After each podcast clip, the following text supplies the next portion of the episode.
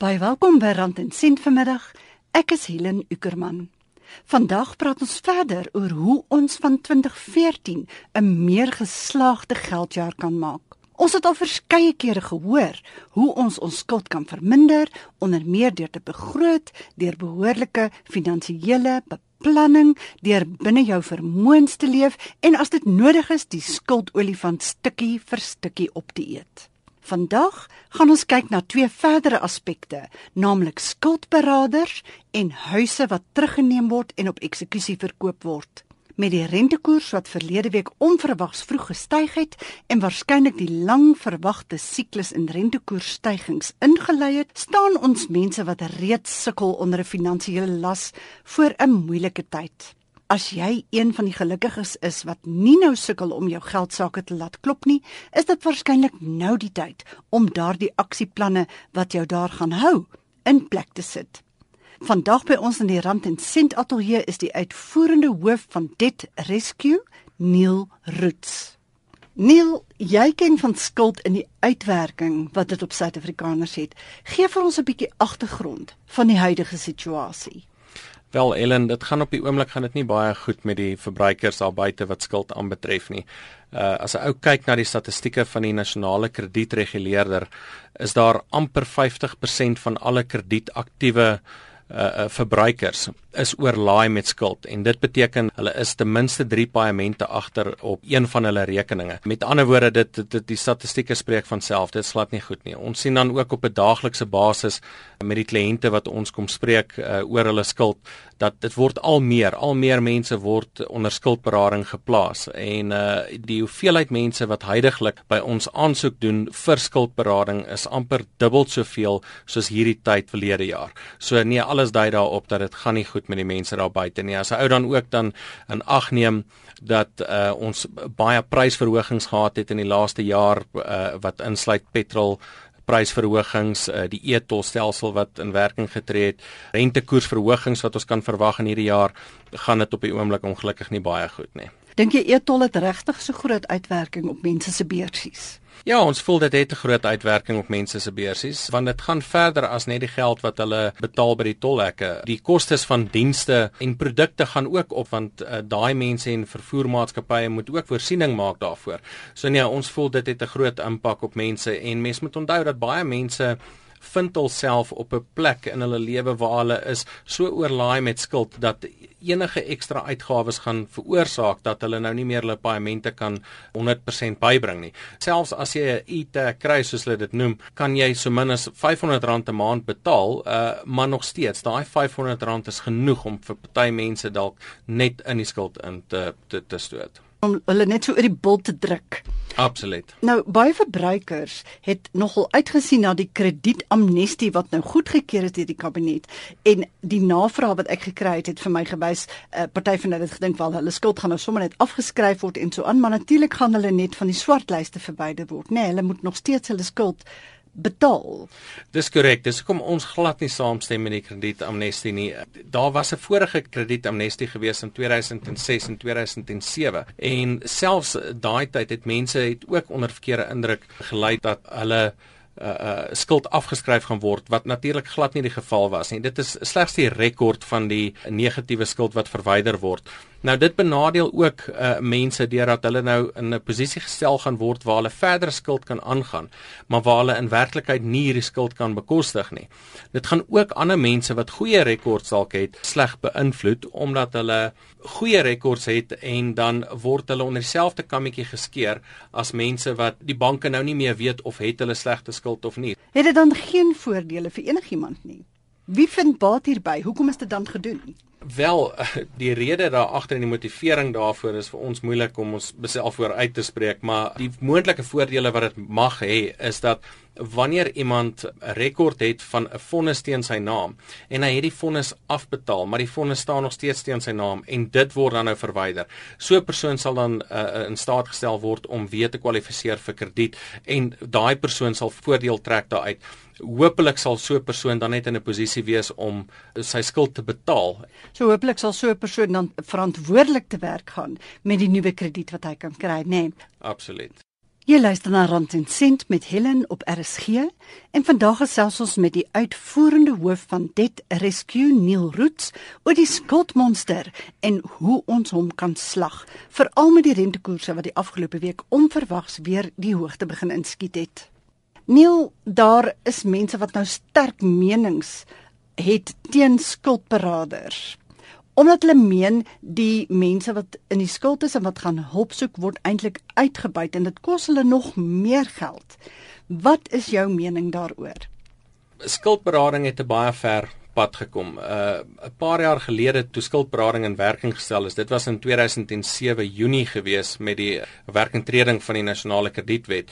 Uh Ja, daar was 'n uh, 'n bietjie probleme gewees met skuldberading, maar dit het so ver gekom dat uh, skuldberaders en die wat nog steeds in die bedryf is en die banke en die krediteure kom baie goed oor die weg deesdae. Dit het amper meer 'n proses geword as enige iets anders. 'n Paar jaar gelede Byvoorbeeld was dit die norm dat skuldberaders en krediteure het baie beklei met mekaar as ek dit so kan stel en daar was hofsaake gewees om dan nou eintlik maar net die wetgewing uit te trap. Maar ons voel dit het 'n punt bereik waar wetgewing uitgetrap is en die proses werk uitstekend en ons help letterlik duisende mense op 'n maandelikse basis om uit die skuld te kom en op 'n bekostigbare manier hulle skuld uh, af te betaal. Uh, as jy kyk na die getalle van mense wat aansoek doen vir skuldberading, kyk ons in die industrie na omtrent 12000 mense 'n maand wat gehelp word. Wat het dan nou eintlik verander met die wetgewing wat nou so uitgetrap is? Hoe is dit nou beter as in die verlede? Wat gebeur het in die laaste paar jaar is dat kleiner skuldberaders het uit die bedryf uitgeval. Nou ek sê nie daardeur dat 'n kleiner skuldberader kan nie besigheid doen nie, maar daar was soveel skuldberaders wat geregistreer het by die nasionale kredietreguleerder om te handel as skuldberaders dat baie van hulle het nie die kapasiteit gehad om die hele proses 100% deur te voer nie. Wat mense nie besef nie is dat daar baie administratiewe werk betrokke is by skuldberading en dat daar ook 'n groot deel van die werk uh, kan geag word as regswerk te wees. So die firmas wat toe nou oorgebly het, die groter firmas het die regsagtergrond en het die regskennis en kan al die administrasie hanteer. So in daai lig voel ons dat dit baie beter geraak en dan ook weer eens soos ek gesê het dat uh, die verhoudings tussen uh, die banke en die skuldberaders is baie beter as wat dit ooit daai tyd was. Neil, as ek 'n skuldberader nader, want ek voel ek het hulp nodig, ek sien hier kom groot probleme. Wat kan ek verwag? Wel, wat die skuldberader sal doen is om na jou uh, finansiële situasie te kyk.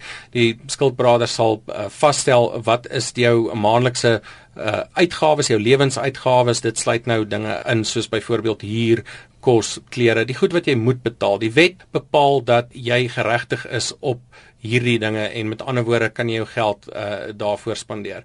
Dan sal ook vasgestel word wat die uh, maandelikse paaiement is, die totaal van jou maandelikse paaimente wat jy betaal aan jou kredietgewers. Daai paaiement is die paaiement waarmee die skuldberader dan werk. Hy sal kyk wat kan jy bekostig en daai paaiement sal dan verminder word deurdat die termyn wat jy gaan betaal verleng sal word. Die skuldberader sal dan kontak maak met al jou uh, kredietgewers Dit alles gebeur dan nou in terme van die nasionale kredietwet. Met ander woorde, jy word derentyd word jy beskerm. Met ander woorde, as een van jou krediteure nie bly by die reëls nie, dan sal jou skuldberader jou beskerm. En dan net nog 'n ding wat luisteraars in ag moet neem is dat die kostes van skuldberaders word ingesluit in die nuwe betalingsplan wat vir jou uitgewerk word. Jy betaal dus nie addisioneel ekstra geld wat jy sal moet neersit voordat jy uh, gehelp kan word nie. Dit's alles ingesluit in jou nuwe paaiement wat jy betaal en dit word alles gereguleer deur die nasionale kredietreguleerder en dus is hierdie fooie baie billik. Een van die hartseer dinge van skuld is dat mense baie keer nie meer hulle verbandpaemente kan betaal nie. En dan te midde van al die swaar kry nou, uh, waarvoor mense natuurlik self verantwoordelik is uiteindelik, maar dan verloor jy ook nou nog jou huis. Wanneer gebeur so iets? Dis baie hartseer ja. Dit is wanneer iemand uh, agterstallig raak met sy uh, verbandpaemente en hy klop nie aan by 'n skuldberader vir hulp nie.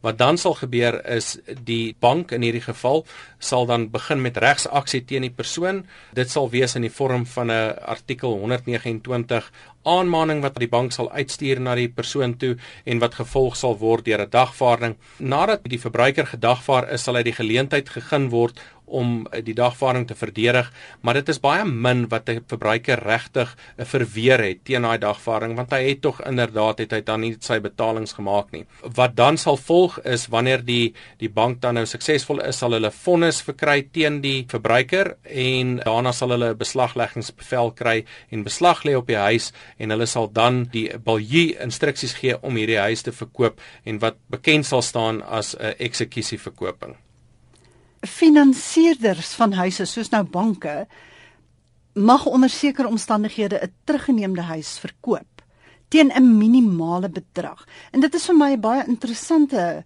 uh, aspek hiervan. Wat is daardie bedrag en waar laat dit nou die persoon wat sy huis verloor het? Dit is die hartseer deel van wanneer 'n persoon sy huis op beslag gelê is, want uh, ons het al baie verbruikers hoor sê hulle het die punt bereik waar hulle net gedink het, "Jong, laat die bank net maar my huis kom vat. Dit is nie so eenvoudig soos dit nie. Wanneer die bank jou huis dan nou verkoop, kom ons sê argument onthaalwe jy is uitstaande by die bank 'n miljoen rand en die bank verkoop jou huis op eksekusieverkoping vir 600 000 rand, dan gaan daai verbruiker nog steeds verantwoordelik bly vir die 400 000 rand wat die balans is van daai verkoopprys en en en en die bedrag wat agterstallig is. En uh die bank sal dan nou die persoon aanspreeklik hou daarvoor. So met ander woorde, dit is bitter min wat dit 'n gunstige posisie skep vir die verbruiker. En ongelukkig omdat daar so baie huise is wat deur die bank teruggeneem word in die huidige ekonomiese klimaat en dan nou verkoop word op hierdie eksekusieverkopings, is die pryse wat die banke kry vir hierdie huise is baie keer verskriklik laag.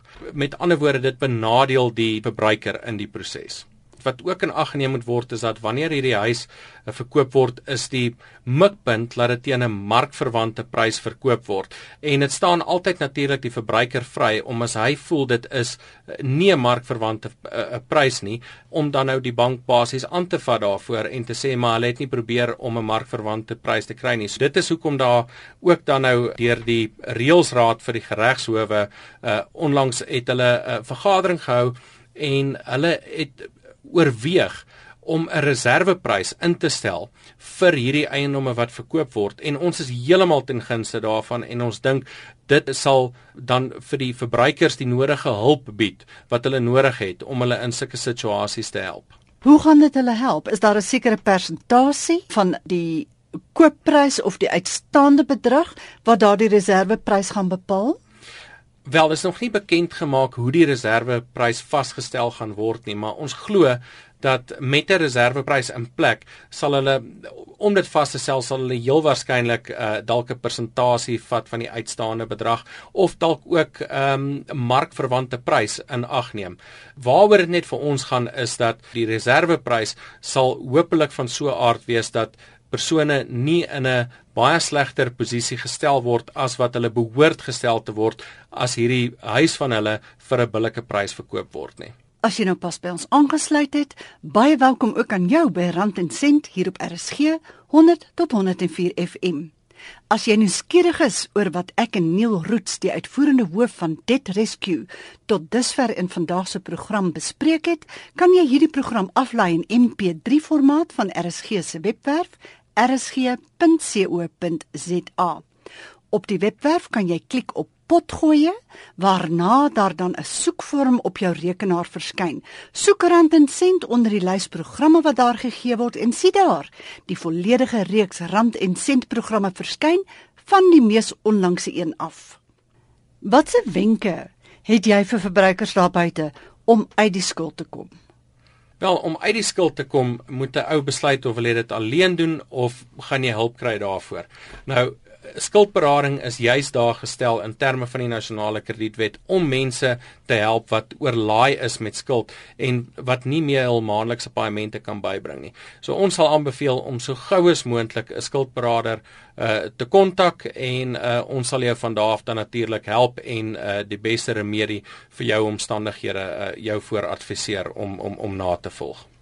Nou vir jong mense wat nou pas begin werk het, het jy enige raad vir hulle om nie in die skuld te beland nie? Ja, dit is altyd belangrik en ouers moet ook hulle eh, kinders van jongs af leer om 'n ordentlike begroting op te stel en dan moet mense ook bly by daai begroting. Ongelukkig is jong mense word deesdae ook geteiken deur kredietgewers wat krediet aanbetref. Uh, ons het onlangs verneem dat daar sekere banke is wat kredietkaarte voorsien aan studente as hulle kan bewys dat hulle so min as R200 'n maand sakgeld verdien. Nou ons voel dit is roekeloos en mense moet ingelig wees en finansiële onderrig kry dat hulle sal weet dat uh, hoe om hulle self te beskerm teen hierdie uitlokkings as ek dit so kan stel. Dit alles kom neer op finansiële onderrig en om 'n begroting op te stel en daarby te bly. Jy praat nou van roekelose kredietverskaffing. Dit is baie in die nuus deesdae. Waarvan praat ons presies? Roekelose krediet is iets wat ook voorkom nou in terme van die nasionale uh kredietwet. Die nasionale kredietwet handel daarmee en waarop dit neerkom is dat wanneer 'n kredietgewer vir 'n verbruiker krediet gee, moet daai kredietgewer vasstel, die onus rus op daai kredietgewer om vas te stel of hierdie verbruiker inderdaad hierdie lening wat aan hom gegee gaan word kan bekostig of nie. Het hy met ander woorde genoeg geld nadat al sy ander verpligtinge nagekom is om hierdie paaiement dan te betaal of nie. Indien daar bevind word dat 'n bank krediet gegee het aan 'n verbruiker, ten spyte daarvan dat die bank besef het dat hierdie persoon dit nie kan bekostig nie of dat hierdie bank dalk uh, nie die nodige ondersoek ingestel het om te bepaal of hierdie persoon dit kan bekostig nie, dan kan so kredietgewer uh, skuldig bevind word uh, aan roekelose krediet. In so 'n geval sal die skuld afgeskryf word of kan dit afgeskryf word en sal die verbruiker nie meer verantwoordelik bly teenoor die kredietgewer om hierdie geld terug te betaal nie. Waarvolgens bepaal 'n kredietverlener dan nou of 'n verbruiker wel skuld kan bekostig of nog skuld kan bekostig? Wel, daar word gekyk na die verbruiker se besteedbare inkomste. Nou die besteedbare inkomste is die bedrag wat oorbly nadat alle uitgawes wat die persoon op 'n maandelikse basis het afgetrek word van die persoon se netto salaris. Met ander woorde, dit sluit in die kos en klere wat jy elke maand sal uh, voorbetaal, ehm um, jou huur, dan ook uh, kyk hulle na ander krediet ooreenkomste wat jy het en ander verpligtinge in terme van kredietooreenkomste. Dit is dan ook belangrik dat 'n verbruiker al hierdie inligting openbaar aan 'n kredietgewer uh, alvorens hy dan nou skuld kry. Wat die kredietgewer ook dan verder doen is om op die kredietburo's te gaan kyk of het hierdie persoon meer skuld as wat hy dalk toegee om te hê. En dis hoekom dit vir ons so belangrik is dat die kredietamnestie nie misbruik moet word deur verbruikers nie. Nou goed, jy het nou dit verduidelik, maar nou het die kredietverlener staatjies opgetrek en 2/3 van my inkomste of 3/4 van my inkomste dek al my uitgawes insluitende skuld, alles wat ek elke maand moet betaal en die ander kwart het ek oor. Hoeveel van daai ander kwart mag ek nou aan skuld afbetaal? Moet ek 'n sekere persentasie geld beskikbaar hou volgens die bank of die kredietverlener voordat hulle vir my kan krediet gee? Wel, um, om tegnies daarna te kyk, moet daar genoeg besteedbare inkomste wees om die paaiement te dek. Wat dan die verantwoordelike ding sal wees van die krediteur en die kredietgewer is om te kyk om voorsiening te maak vir onvoorsiene uitgawes wat mag volg. So om vir 'n presiese persentasie te gee daarvan is moeilik en of haar presiese persentasie vasgestel is, weet ek nie. Dink amper nie so nie. Maar wat belangrik is is vir die kredietgewer om vas te stel of die paaiement betaal kan word met die besteedbare inkomste en dan nou indien die verbruiker in 'n posisie geplaas word waar daar onvoorsiene uitgawes sal wees soos byvoorbeeld as haar dood in die familie is of siekte toestand of die persoon nog steeds hierdie paaiement gaan kan bekostig. So jy as verbruiker moet ook maar kyk as ek sien net maar 'n R1000 'n maand oor het dat ek nou maar daai ekstra bedragie hou en niemand net hoop dat die maksimum krediet aan my toegestaan word nie want Absoluut. dan as die noodlot toeslaan dan is ek weer in die moeilikheid. Dit is baie belangrik vir 'n uh, uh, verbruikers om self ook vas te stel of hulle dit kan bekostig of nie.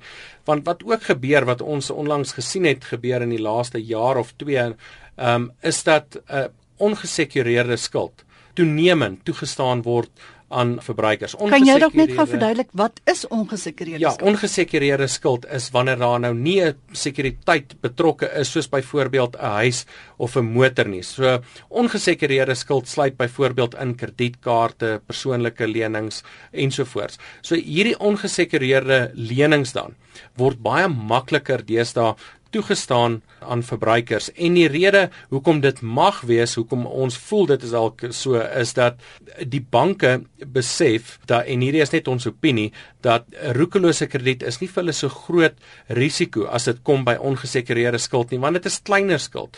En hierdie skuld word baie keer gegee aan mense uh, wat dalk nie die vermoë het om 'n uh, prokureur te nader indien hulle in moeilikheid is en dit so, so ons sien ook dat hierdie ongesekureerde skuld baie keer gegee word aan jonger mense en mense wat dalk nie ehm um, tersiêre opleiding het nie. Of mense wat nie in aanmerking kom vir banklenings nie.